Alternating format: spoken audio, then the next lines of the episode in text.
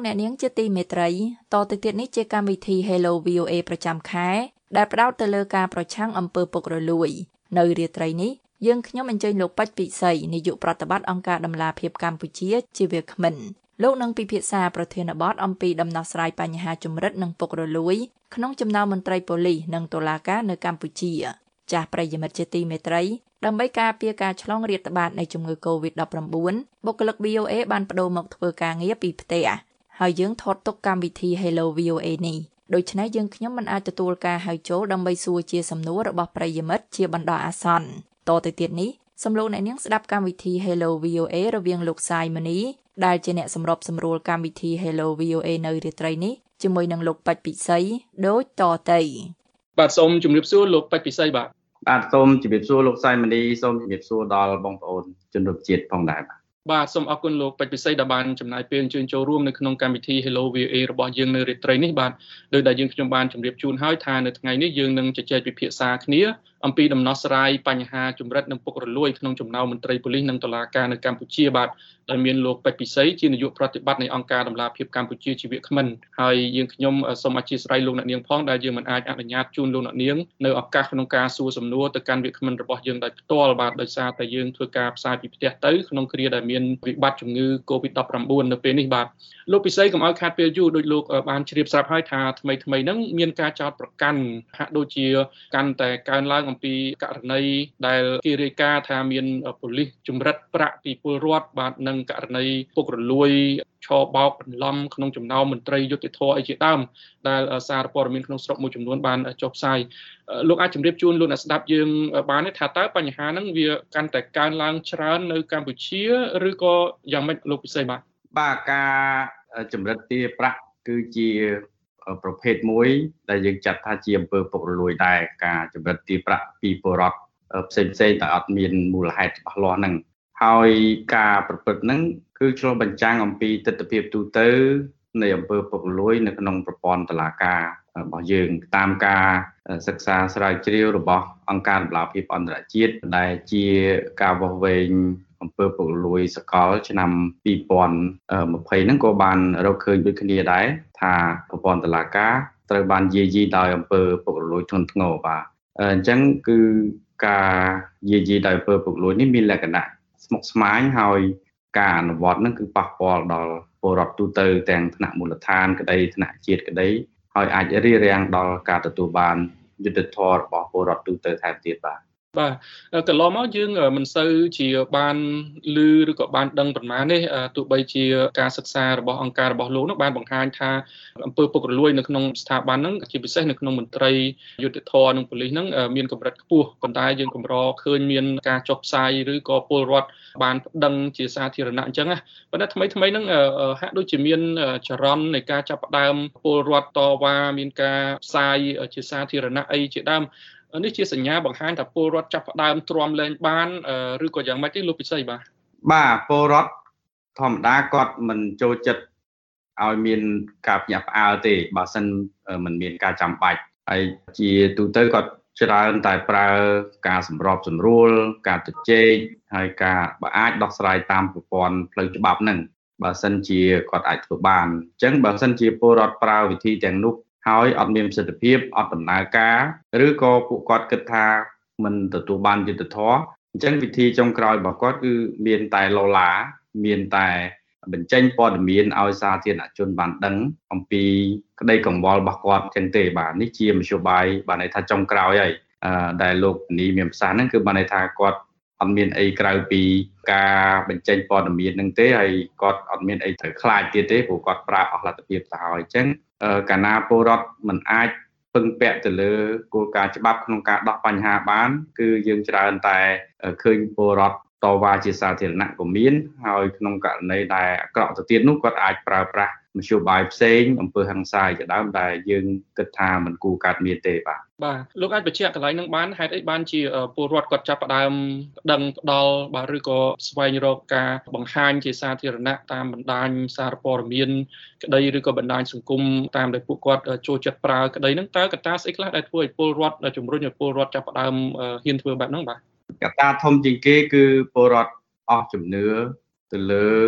ការប្រើប្រាស់ស្ថាប័នសាធារណៈក្នុងការដោះបញ្ហាអឺអញ្ចឹងបញ្ហានេះយើងគិតទៅជាបញ្ហាធំពលរដ្ឋគាត់ជាទូទៅយើងចង់ឲ្យគាត់ប្រើប្រាស់គោលការណ៍ច្បាប់គោលការណ៍នីតិវិធីរដ្ឋបាលឬក៏ការដោះស្រាយវិវាទក្រៅប្រព័ន្ធដើម្បីដោះបញ្ហាហ្នឹងឲ្យស្រុះស្រួលគ្នាអញ្ចឹងបើសិនជាពលរដ្ឋគាត់ប្រើវិធីនឹងទាំងអស់ហ្នឹងទៅអត់ដំណើរការគឺគាត់អស់វិធីគាត់មានតែប្រើមធ្យោបាយហ្នឹងដើម្បីឲ្យអ្នកកសែតអីដឹងជួយបន្លឺសំឡេង បង្ហាញអំពីក្តីបារម្ភរបស់គាត់នឹងអាចគាត់គិតថាអាចលឺដល់ថ្នាក់ដឹកនាំក្នុងការចូលរួមអន្តរាគមន៍ដោះស្រាយជាដើមបញ្ហានេះគឺយើងអត់លើកទឹកចិត្តទេ យើងអត់ចង់ឲ្យពលរដ្ឋយើងប្រើប្រាស់មធ្យោបាយនៃការធ្វើអន្តរាគមន៍ពីអ្នកនេះអ្នកនោះក្នុងការដោះបញ្ហាទេនៅក្នុងសង្គមជាធិបតេយ្យពលរដ្ឋមានសិទ្ធិស្មើគ្នាពលរដ្ឋអ្នកក្រពលរដ្ឋអ្នកមានក៏មានសិទ្ធិស្មើគ្នាហើយការប្រើប្រាស់គោលការណ៍ច្បាប់នៅក្នុងការដោះបញ្ហា ទើបអាចដោះស្រាយបញ្ហាបានហើយផ្ដល់យុត្តិធម៌ជូនភាគីទាំងពីរបាន បើមិនអញ្ចឹងទេគឺយើងនឹងទទួលបានអំពើយុត្តិធម៌ទោះបីជាអ្នកខ្លះគាត់មានអំណាចឬក៏ប្រើមធ្យោបាយលុយកាក់អីជាដើមដើម្បីឈ្នះក្តីហ្នឹងប៉ុន្តែអ្នកផ្សេងគាត់គិតថាគាត់មិនទទួលបានយុត្តិធម៌ទេអញ្ចឹងមធ្យោបាយតែល្អជាងគេគឺប្រើប្រាស់ប្រព័ន្ធផ្លូវច្បាប់ប្រព័ន្ធយុត្តិធម៌ដែលអាចផ្ដល់យុត្តិធម៌ជូនភាគីហ្នឹងក្នុងការដោះបញ្ហា ហើយយើងឃើញបញ្ហាហ្នឹងកើតឡើងឥឡូវហ្នឹងកាន់តែច្រើនទៅហើយខ្ញុំគិតថារឿងធំជាងគេគឺការបង្កើនជំនឿរបស់ប្រជាពលរដ្ឋហ្នឹងទៅលើ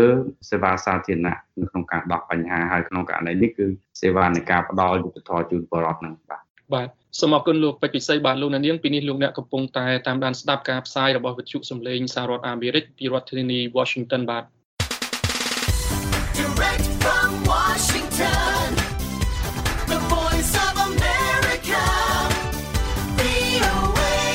បាទពេលនេះយើងកំពុងតែជជែកពិភាក្សាគ្នាអំពីដំណោះស្រាយបញ្ហាចម្រិតទារប្រាក់និងពុករលួយក្នុងចំណោមមន្ត្រីប៉ូលីសនិងតុលាការនៅកម្ពុជា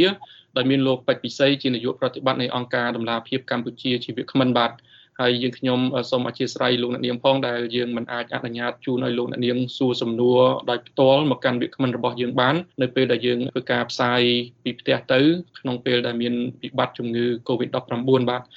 លោកពិសីបាទកន្លងមកយើងម្ដងមកកាលយើងឮលោកនាយករដ្ឋមន្ត្រីហ៊ុនសែនបានប្រកាសជាសាធារណៈព្រមានដល់មន្ត្រីរបស់លោកឬក៏បុគ្គលមួយចំនួនដែលលោកមិនដែលបង្ហាញឈ្មោះទេអំពីការព្យាយាមរត់ការតាក់ទងនឹងរឿងការសោកសំណោកឬក៏រត់ការរឿងអីមួយដើម្បីបានដីបានតំណែងអីជាដើមនៅក្នុងប្រទេសកម្ពុជាហ្នឹងប៉ុន្តែ ថ្មីថ្មីហ្នឹងបាទមន្ត្រីដែលសារព័ត៌មានបានចុះផ្សាយហ្នឹងមានរហូតដល់មន្ត្រីក្រសួងយុតិធធខ្លួនឯងហ្នឹងក៏រងការចោទប្រកាន់ពីការប្រព្រឹត្តអំពើពុករលួយឆបោកអីជាដើមអញ្ចឹងបាទនេះជាការចោទប្រកាន់កន្លងមក ចឹងលោកពិសីអាចបញ្ជាក់បានថាធ្វើមិនទៅបើសិនជាសំបីតែមន្ត្រីដែលអនុវត្តច្បាប់ឬក៏មន្ត្រីយុតិធធខ្លួនឯងនឹងទៅហើយជាប់ពាក់ព័ន្ធទៅក្នុងរឿងអំពើពុករលួយតើបញ្ហាពុករលួយនឹងអាចដោះស្រាយយ៉ាងម៉េចបានទៅលោកពិសីបាទបាទយើងឃើញថាមានការតាំងចិត្តមួយចំនួនពីនាយករដ្ឋមន្ត្រីនៅក្នុងការជំរុញឲ្យមន្ត្រីសាធារណៈនឹងផ្ដល់សេវាឲ្យប្រសើរឡើងដល់ពលរដ្ឋ រួមទាំងមានការលើកឡើងអំពីឲ្យឆ្លោះកញ្ចក់ឲ្យដុសក្អែលអីជាដើមបាទនេះគឺជាសារនយោបាយតែថ្នាក់នាំក៏ដាក់ជូនអ្វីដែលយើងឃើញហ្នឹងគឺទោះបីជាមានការតាំងចិត្តមានការជំរាបជូនពីថ្នាក់នាំប៉ុន្តែរាល់ការអនុវត្តហ្នឹងគឺមន្ត្រីមួយចំនួននៅតែប្រព្រឹត្តបញ្ហាហ្នឹងនៅឡើយបាទបញ្ហាហ្នឹងកើតឡើងជារឿយរឿយហើយមកដល់ពេលហ្នឹងយើងឃើញថាมันមានវិធានការជាក់លាក់ ទេនៅក្នុងការដោះបញ្ហាដោយដូចខ្ញុំជំរាបជូនមិនអញ្ចឹងគឺមន្ត្រីនយោបាយធំធំគេសិតតែមានខ្សែមានស្រឡាយរបស់គេបពពួករបស់គេនៅក្នុងការអនុវត្តការងារនៅក្នុងការដោះស្រាយបញ្ហារដ្ឋបាលបញ្ហាអំណាចជាដើមអញ្ចឹងបញ្ហាហ្នឹងធ្វើឲ្យសំបីតែថ្នាក់ដឹកនាំហ្នឹងក៏គាត់ពិបាកដោះបាទបាក់ដោះបញ្ហាដែរតលតែមានការសម្រេចណាមួយដោយមិនខ្វល់អំពី ការប៉ះពាល់ទៅដល់មន្ត្រីជំវិញខ្លួននោះបាទយើងអាចធ្វើបានហើយមកដល់ពេលនេះយើងគិតថាយើងគួរតែដល់ពេលដែលយើងអនុវត្តការងារឲ្យមានប្រសិទ្ធភាពហើយយករិះយកប្រយោជន៍ជាតិជាធំនៅក្នុងការដោះស្រាយបញ្ហាអំពើពុករលួយនឹងហើយហើយយើងលើកទឹកចិត្តថាបើសិនជាមានមន្ត្រី ពុករលួយនេះយើងគួរតែអនុវត្តច្បាប់ឲ្យមានសិទ្ធិភាពដើម្បីធ្វើម៉េចកុំឲ្យអ្នកផ្សេងធ្វើតាមយើងយកច្បាប់ជាគោលទៅហើយដោយមិនមានការរើសអើងឬក៏លើកលែងដល់មន្ត្រីធំធំយើងអាចចូលរួមដោះស្រាយបានហើយបាទអញ្ចឹងខ្ញុំគិតថាឥឡូវយើងមានបញ្ហាច្រើនតាក់ទងទាំងមន្ត្រីធំធំហ្នឹងគឺច្រើនតែគាំងដោយសារយើងពិនិត្យ ទៅលើភាពលំអិតនៃបញ្ហាទៅគឺច្រើនតែប្រតិកលាគ្នាច្រើនទៅធ្វើឲ្យករណីហ្នឹងបាត់ទៅតាមផ្លូវជាដើមអញ្ចឹងអនុសាសន៍របស់សម្ដេចហ្នឹងគឺយើងគួរតែចាប់ដើមចាត់វិធានការលើបញ្ហាហ្នឹងព្រោះឥឡូវយើងដឹងហើយយើងមានបើបើយើងនិយាយពីនិន្នាការនយោបាយវិញគឺយើងមានតែគណៈបកធំមួយនៅក្នុងប្រទេសហើយគ្រប់គ្រងទាំងសភាទាំងអង្គនីតិប្រតិបត្តិហើយតឡាការទៅទៀតអញ្ចឹងយើងអត់មានអីត្រូវខាតទេអ្វីដែលយើងខាតគឺពលរដ្ឋអត់សុបាយចិត្ត ពលរដ្ឋអស់ជំនឿហើយគាត់នៅតែល្អូលទាំស្ដីបន្ទោសទៅដល់ថ្នាក់ដឹកនាំកាន់អំណាចអញ្ចឹងអញ្ចឹងដើម្បីឲ្យពលរដ្ឋចាប់ផ្ដើមទូបានផលហើយជប់មានការល្អូលទាំមានតែរដ្ឋាភិបាលគួរតែព្យាយាមនៅក្នុងការផ្ដល់សេវាយុទ្ធធម៌នឹងជូនពលរដ្ឋបាទបាទសូមអរគុណលោកពិសីបាទលោកអ្នកនាងពីនេះលោកអ្នកកំពុងតែតាមដានស្ដាប់ការផ្សាយរបស់វិទ្យុសំឡេងសហរដ្ឋអាមេរិកពីរដ្ឋធានី Washington បាទ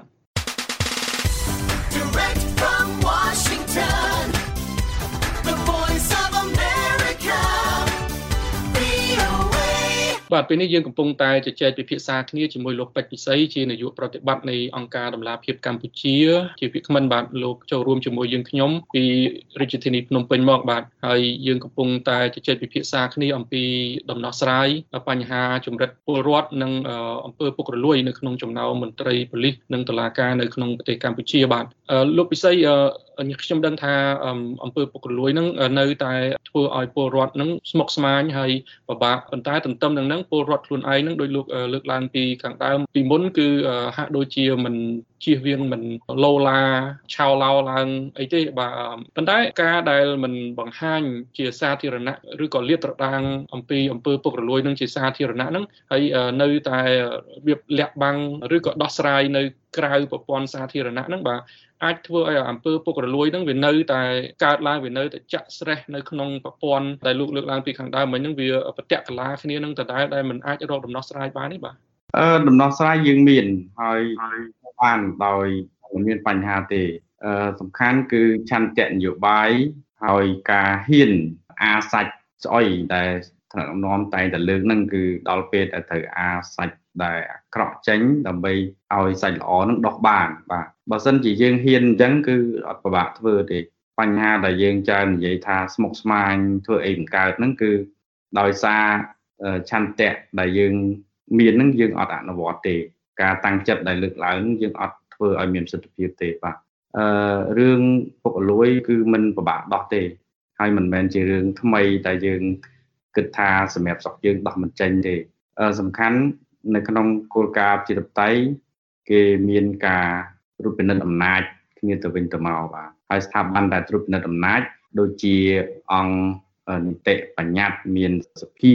មានប្រសិទ្ធភាពហ្នឹងគួរតែដើរតួនាទីឯករាជ្យនៅក្នុងការ ត្រួតពិនិត្យអំណាចត្រួតពិនិត្យអង្គនីតិប្រតិបត្តិដែលមានក្រសួងសម័យទាំងអស់ហ្នឹងដែលមានការិយាល័យយុរដ្ឋមន្ត្រីហ្នឹងគឺត្រូវតែមានការត្រួតពិនិត្យកិច្ចការរបស់គាត់ហើយហើយសភាប្រសិទ្ធភាពដែលជាក្រមនយោបាយដែលត្រូវបានពលរដ្ឋផ្ដល់ទំនុកចិត្តនៅក្នុងការធ្វើការហ្នឹងគួរតែបំពេញកាតព្វកិច្ចរបស់ខ្លួនរបស់ខ្លួនព្រោះច្បាប់យើងមានអស់ហើយសភាគួរធ្វើអីហើយទួនាទីសភាគឺសួរដេញដោ តាមដានត្រួតពិនិត្យហើយបើមានការខុសឆ្គងគាត់ត្រូវហ៊ានហៅមន្ត្រីទាំងនោះមកធ្វើការសួរពិភាក្សារកដំណោះស្រាយជូនប្រយោជន៍សាធារណៈអញ្ចឹងគឺកិច្ចការហ្នឹងតកតងទៅនឹងការអនុវត្តការងាររបស់ស្ថាប័នដែលត្រូវត្រួតពិនិត្យអំណាចយើងមានតួអង្គផ្សេងផ្សេងទៀតដែលគួរដើរនៅទូនីតិឯករាជ្យនឹងដូចជាខាងអាជ្ញាធរសកម្មកម្មជាតិអង្គភាពចាំងពើពុកលួយអីជាដើមក្រុមប្រឹក្សាធម្មនុញ្ញ ដែលសុទ្ធតែជាតួអង្គត្រួតពិនិត្យអំណាចទេប៉ុន្តែអ្វីដែលយើងចោទសួរហើយជួបជាបរិបទចោទសួរច្រើនហ្នឹងគឺថាតើស្ថាប័នទាំងនោះហ៊ានអនុវត្តការងារដោយឯករាជ្យឬទេហើយមិនមានការជាអត្តពលនយោបាយដែរទេបាទនេះជាបញ្ហាដែលយើងឃើញអញ្ចឹងតឡាការក៏ដូចគ្នាដែរតឡាការគួរតែជាស្ថាប័នមួយដែលត្រួតពិនិត្យអំណាចបាទន័យថាបើអង្គណាមួយធ្វើអីមួយ តឡាការត្រូវតែយកគោលការណ៍ច្បាប់មកនិយាយយកគោលការណ៍ច្បាប់មកអនុវត្តហើយផ្ដល់យុត្តិធម៌ជូនភាគីពាក់ព័ន្ធទាំងអស់ហ្នឹងដោយផ្អែកលើគោលការណ៍ច្បាប់មិនមែនគោលការណ៍នយោបាយឬគោលការណ៍ជាអតិពលនយោបាយណាមួយទេបាទយើងឃើញនៅក្នុងឧទាហរណ៍នៅក្នុងប្រទេសនៅអឺរ៉ុបអីជាដើមទោះបីជានាយករដ្ឋមន្ត្រីគាត់ខឹងសម្បារឿងអីមួយទៅអ្នកណាម្នាក់ហើយគាត់អាចប្តឹងទៅទៀតដោយប្រើច្បាប់ សិទ្ធិរបស់គាត់ក្នុងការប្តឹងទៅអិសរាជជនឬបុគ្គលណាមួយហ្នឹងតឡាការគេអត់ខ្វល់ថាគាត់ជានាយករដ្ឋមន្ត្រីប្តឹងទេគេមើលទៅលើគោលការណ៍ច្បាប់បើសិនជាគាត់មានអង្គហេតុមានអង្គច្បាប់គ្រប់គ្រាន់ក្នុងការចោទប្រកាន់ភាគីពាក់ព័ន្ធហ្នឹងគឺតឡាការគេធ្វើឲ្យបើអត់ទេគេ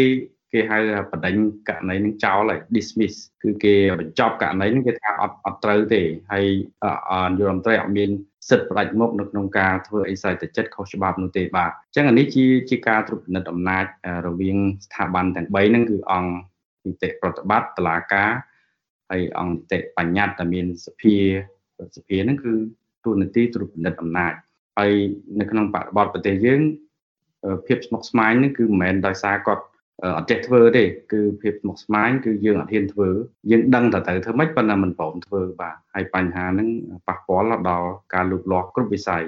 នៅក្នុងប្រទេសកម្ពុជាយើងបាទបាទលោកពិសីលើកឡើងកន្លែងហ្នឹងមានមន្ត្រីរដ្ឋាភិបាលកន្លងមកហ្នឹងតែងតែនិយាយការពារខ្លួនបាទរួមទាំងអ្នកនាំពាក្យក្រសួងយុតិធធកន្លងមកហ្នឹងគឺការបានលើកឡើងថា រឿងករណីតាក់ទងនឹងពុករលួយក្នុងប្រព័ន្ធតុលាការហ្នឹងគឺវាជាករណីដាច់ដライតាក់ទងនឹងមន្ត្រីឬក៏បុគ្គលម្នាក់ម្នាក់ពលគឺទោះបីជាមន្ត្រីនឹងថ្នាក់កម្រិតខ្ពស់អនុរដ្ឋលេខាធិការរដ្ឋលេខាធិការឬអីក៏ដោយហ្នឹងគឺជាករណីរបស់បុគ្គលម្នាក់ម្នាក់ដែលមានតួនាទីនៅក្នុងស្ថាប័នហើយលោកលើកឡើងថាករណីនេះនឹងមានការស៊ើបអង្កេតពីប្រព័ន្ធតុលាការហើយនឹងមានការជំនុំជម្រះទៅតាមស្ថានភាព ជាក់ស្ដែងបាទទៅតាមអង្គហេតុនិងអង្គច្បាប់มันមានអធិបុលនយោបាយអីជាដើមការលើកឡើងទាំងអស់នេះយើងតែងតែលើកន្លងមកលោកវិស័យប៉ុន្តែលោកលើកឡើងមិញហ្នឹងគឺថាមានហើយឆន្ទៈដឹងហើយរបៀបធ្វើណាស់តែមិនព្រមធ្វើបាទអាចថាមានយន្តការអីទេដែលកម្ពុជាអាចធ្វើបាននៅក្នុងស្ថានភាពបែបនេះលោកវិស័យដើម្បីកែខៃស្ថានភាពហ្នឹងបើសិនជាមានឆន្ទៈហើយដឹងរបៀបហើយនៅតែមិនព្រមធ្វើតើពលរដ្ឋរំពឹងស្អីទៅបាទបាទពលរដ្ឋ គាត់អត់មានជំរឿអីក្រៅពីគាត់ត្រូវតែហ៊ានទៀមទីទេបាទគាត់ត្រូវតែបញ្ចេញយោបល់បញ្ចេញមតិរបស់គាត់ហើយប្រើប្រាស់សិទ្ធិរបស់គាត់ជាពលរដ្ឋធានាដោយរដ្ឋធម្មនុញ្ញនៅក្នុងការបញ្ចេញមតិឲ្យទៀមទីនៅក្នុងស្ថាប័នដឹកនាំដែលគេប្រើគោលការណ៍ច្បាប់ គឺពលរដ្ឋពឹងពាក់ទៅលើតឡាការទៅលើតំណាងរបស់គាត់នៅសភាក្នុងការដោះបញ្ហា ហើយបើសិនជាតឡាការនិងសភាមិនត្រូវបានផ្ដល់ការទុកចិត្តដល់ពលរដ្ឋក្នុងការដោះទេមជ្ឈបាយធំតែមួយគឺមានតែពលរដ្ឋនឹងធ្វើការបង្កើនការទៀមទាកាន់តែច្រើនទៅទៀតដើម្បីឲ្យថ្នាក់ដឹកនាំគិតដោះស្រាយឆ្លើយតបទៅនឹងការទៀមទារបស់ពលរដ្ឋនឹងហើយយើងអាចទៀមទាតាមសន្តិវិធីការបញ្ចេញមតិរបស់យើងអំពីភាពអយុត្តិធម៌របស់យើងបានដោយមិនបង្កឲ្យមានហិង្សាបាទនៅក្នុងក្របខ័ណ្ឌច្បាប់នៅក្នុងការធានាការបញ្ចេញ មតិជាសិទ្ធិដែលធានាដោយច្បាប់ធានាដោយរដ្ឋធម្មនុញ្ញយើងអាចបញ្ចេញមតិយោបល់នឹងបានបាទអញ្ចឹងយើងយើងអត់ដឹងធ្វើម៉េចដែរព្រោះតួអង្គសំខាន់សំខាន់ដែលត្រូវបម្រើប្រយោជន៍សាធារណៈហ្នឹងគាត់អត់ដំណើរការអញ្ចឹងមធ្យោបាយធំជាងគេ មានតែពលរដ្ឋនឹងបញ្ចេញការកង្វល់របស់ខ្លួនឲ្យថ្នាក់ដឹកនាំដឹងហើយយើងដឹងហើយនៅក្នុងក្របខ័ណ្ឌនៃការដឹកនាំថ្នាក់ដឹកនាំតែប្រហែលរូបដែលគាត់គិតគូររឿងធំធំហ្នឹងគាត់ជួនកាលគាត់ មិនមានពេលមកមើលកិច្ចការទូចទូចទេកិច្ចការខ្លះគឺអនុវត្តដោយមន្ត្រីអនុវត្តច្បាប់នៅក្រោមក្រោមហើយដោយសារពលរដ្ឋគាត់មានការតបភ្ជាប់រវាងមន្ត្រីផ្ដល់សេវាផ្ទាល់ហ្នឹងហើយទៅថ្នាក់នាំគាត់មានការចោទប្រកាន់ថាថ្នាក់នាំអត់មើលអីចឹងអញ្ចឹងការមើលទៅលើមន្ត្រីសាធារណៈដែលផ្ដល់ទំនុកចិត្តដល់ពលរដ្ឋហ្នឹងគឺជាទួនាទីរបស់ថ្នាក់នាំហើយមន្ត្រីណាដែលមិនអនុវត្តការងារអត់មានសិទ្ធិភាព ពិតពិតអំពើពុករលួយដោយមានអស់តាំងរកឃើញហ្នឹងខ្ញុំគិតថាថ្នាក់នាំគួរតែចាត់ជាការដើម្បីកុំឲ្យពលរដ្ឋនឹងអស់ជំនឿទៅលើការដឹកនាំហើយការធ្វើកិច្ចការហ្នឹងគឺបើបើខ្ញុំនិយាយឲ្យសាមញ្ញទៅគណៈបកជីជនអត់មានអីខាតទេគណៈបកជីជន គឺមានតែចំណេញព្រោះគាត់គ្រប់គ្រងអំណាចពេញទៅហើយអញ្ចឹងការធ្វើកិច្ចការដែលឲ្យពលរដ្ឋពេញចិត្តបើយើងនិយាយភាសាមួយទៀតហៅថា យើងទិញបេះដូងគេបានណាណាយើងធ្វើឲ្យគេស្រឡាញ់ដោយចិត្តណាគឺយើងអាចគ្រប់គ្រងអំណាចអឺយូរអង្វែងបានហើយដោយសារពលរដ្ឋគាត់អាចពេញចិត្តហើយបន្តបោះឆ្នោតឲ្យយើងបានអញ្ចឹងអឺបើយើងគិតជាជាភាព neutral ភាពសាមញ្ញទៅយើងយើងគិតថាវាអត់មានអីត្រូវការក្នុងការធ្វើល្អទេដល់ពេលវេលាតែយើងត្រូវធ្វើល្អទិញបេះដូងពលរដ្ឋ ហើយពលរដ្ឋនៅបន្តស្រឡាញ់ខ្ញុំគិតថាអត់មានអីត្រូវខាតផងអញ្ចឹងមានតែលើកទឹកចិត្តឲ្យមានការងាកមកបម្រើរាជបម្រើប្រយោជន៍សង្គមទៅពលរដ្ឋស្រឡាញ់ហើយទោះបីមានការប្រកួតប្រជែងស្មើភាពគ្នានៅក្នុងខ្សែវាននយោបាយនៅពេលខាងមុខក៏យើងគិតថាយើងអត់មានន័យត្រូវចាញ់ទេព្រោះពលរដ្ឋស្រឡាញ់យើងទៅហើយដោយការប្រព្រឹត្តអំពើល្អផ្ដល់សេវាជូនពលរដ្ឋឈប់ឲ្យពលរដ្ឋខឹងសម្បាទៅគឺនេះជាជាគោលការណ៍ជាតបតៃដែលយើងចង់ឃើញនៅក្នុងប្រទេសកម្ពុជាបាទ បាទដោយសារយើងចិត្តដល់ម៉ោងទៅហើយលោកពិសីអមលោករំពឹងថានឹងអាចមានការទៀមទាពីពលរដ្ឋកាន់តែខ្លាំងទេបាទមើលទៅនៅក្នុងរយៈពេលដែលកម្ពុជាឈាននឹងទៅរកការបោះឆ្នោតឃុំសង្កាត់ឆ្នាំ2022និងការបោះឆ្នោតជាតិឆ្នាំ2023ខាងមុខនេះបាទយើងឃើញមានការតបជាប់គ្នាឬក៏តំណងរវាងនយោបាយហើយនិងសេដ្ឋកិច្ចបើសិនជាក្នុងបរិបទ COVID-19 នេះប៉ះពាល់ធំធេងដល់ជីវភាពរស់នៅរបស់ពលរដ្ឋ ដល់ការប្រកបអាជីវកម្មរបស់គាត់រហូតដល់គាត់អត់មានប្រាក់ចំណូលនៅក្នុងការផ្គត់ផ្គង់គ្រួសារយើងនឹងបន្តឃើញការទៀមទានឹងកាន់តែច្រើនអញ្ចឹងយុទ្ធសាស្ត្រធំជាងគេរបស់រដ្ឋាភិបាលគឺធ្វើម៉េចឲ្យសេដ្ឋកិច្ចដើរហើយការធ្វើឲ្យសេដ្ឋកិច្ចដើរគ្មានអីក្រៅពីការកែលម្អបរិយាកាសជីវកម្មឲ្យល្អឲ្យស្អាតស្អំកាត់បន្ថយអំពើពុករលួយនៅក្នុងការធ្វើអាជីវកម្មឲ្យការអនុវត្តច្បាប់អាជីវកម្មស្មើគ្នាបងពុនស្មើគ្នា មិនគិតថាក្រុមហ៊ុនអ្នកធំអ្នកតូចទេគឺថាអនុលោមខ្ពស់ហើយធ្វើម៉េចកាត់បន្ថយការិយាល័យតបតៃឧបសគ្គនៅក្នុងរដ្ឋបាលផ្សេងផ្សេងហ្នឹងធ្វើម៉េចឲ្យវិនិយោគក្នុងស្រុកវិនិយោគក្រៅស្រុកហ្នឹងអាចប្រកបរបបដោយស្មារតីគ្នាប្រកួតប្រជែងដោយស្មារតីគ្នាទៅខ្ញុំគិតថាយើងនឹងមានលំនឹងសេដ្ឋកិច្ចពលរដ្ឋយើងដឹងហើយដុំបាយធំជាងនយោបាយបាទ អញ្ចឹងបើសិនជាស្ថិរភាពនយោបាយល្អការទាមទារអាចអាចមានមួយចំនួនប៉ុន្តែមិនច្រើនទេអញ្ចឹងកន្លែងនេះជារឿងសំខាន់ណាស់ហើយដោយសារយើងមានបញ្ហា COVID-19 ពលរដ្ឋប៉ះពាល់ច្រើនហើយទៅមុខទៀតនៅក្នុងឆ្នាំ2020 2021នេះដោយសារផលអវិជ្ជមានពី COVID អាចបន្តរហូតដល់ឆ្នាំ21ហ្នឹងអញ្ចឹងយើងនឹងឃើញការទាមទារកាន់ច្រើនដោយសារកម្មករបងប្អូនកម្មករដែលអញ្ជើញពីថៃពីម៉ាឡេហ្នឹងច្រើន ហើយពួកគាត់សិតតែមានទុកលំបាកផ្នែកហិរញ្ញវត្ថុដោយសារគាត់ជាពាក់បំណុលផងគាត់មកវិញអត់ការងារធ្វើផងអត់មានលុយសន្សំមកផងអញ្ចឹងប្រហែលជាបើសិនជារដ្ឋាភិបាលមិនប្រុងប្រយ័ត្នហើយជួយដោះស្រាយបញ្ហាទុកសោកទាំងនោះទេនឹងយើងនឹងរំពឹងថាមានការទីមទីកាន់តែច្រើនថែមទៀតបាទ បាទដោយសារពេលវេលាយើងអស់ទៅហើយដូច្នេះខ្ញុំសូមបញ្ចប់កម្មវិធី Hello VA របស់យើងតែត្រឹមនេះបាទសូមអរគុណលោកពេជ្រពិសីនិងលោកអ្នកនាងដែលបានតាមដានកម្មវិធីនេះតាំងពីដើមមកបាទលោកអ្នកនាងចង់ស្ដាប់ឡើងវិញបាទសូមចូលទៅកាន់គេហទំព័ររបស់យើងគឺ khmer.voanews.com បាទសម្រាប់ពេលនេះខ្ញុំសាយមនីអ្នកសម្របសម្រួលកម្មវិធី Hello VOA នៅរាត្រីនេះសូមអរគុណលោកពេជ្រពិសីនិងលោកអ្នកនាងតែត្រឹមនេះបាទសូមជម្រាបលាបាទបាទសូមអរគុណលោកសាយមនីសូមជម្រាបលា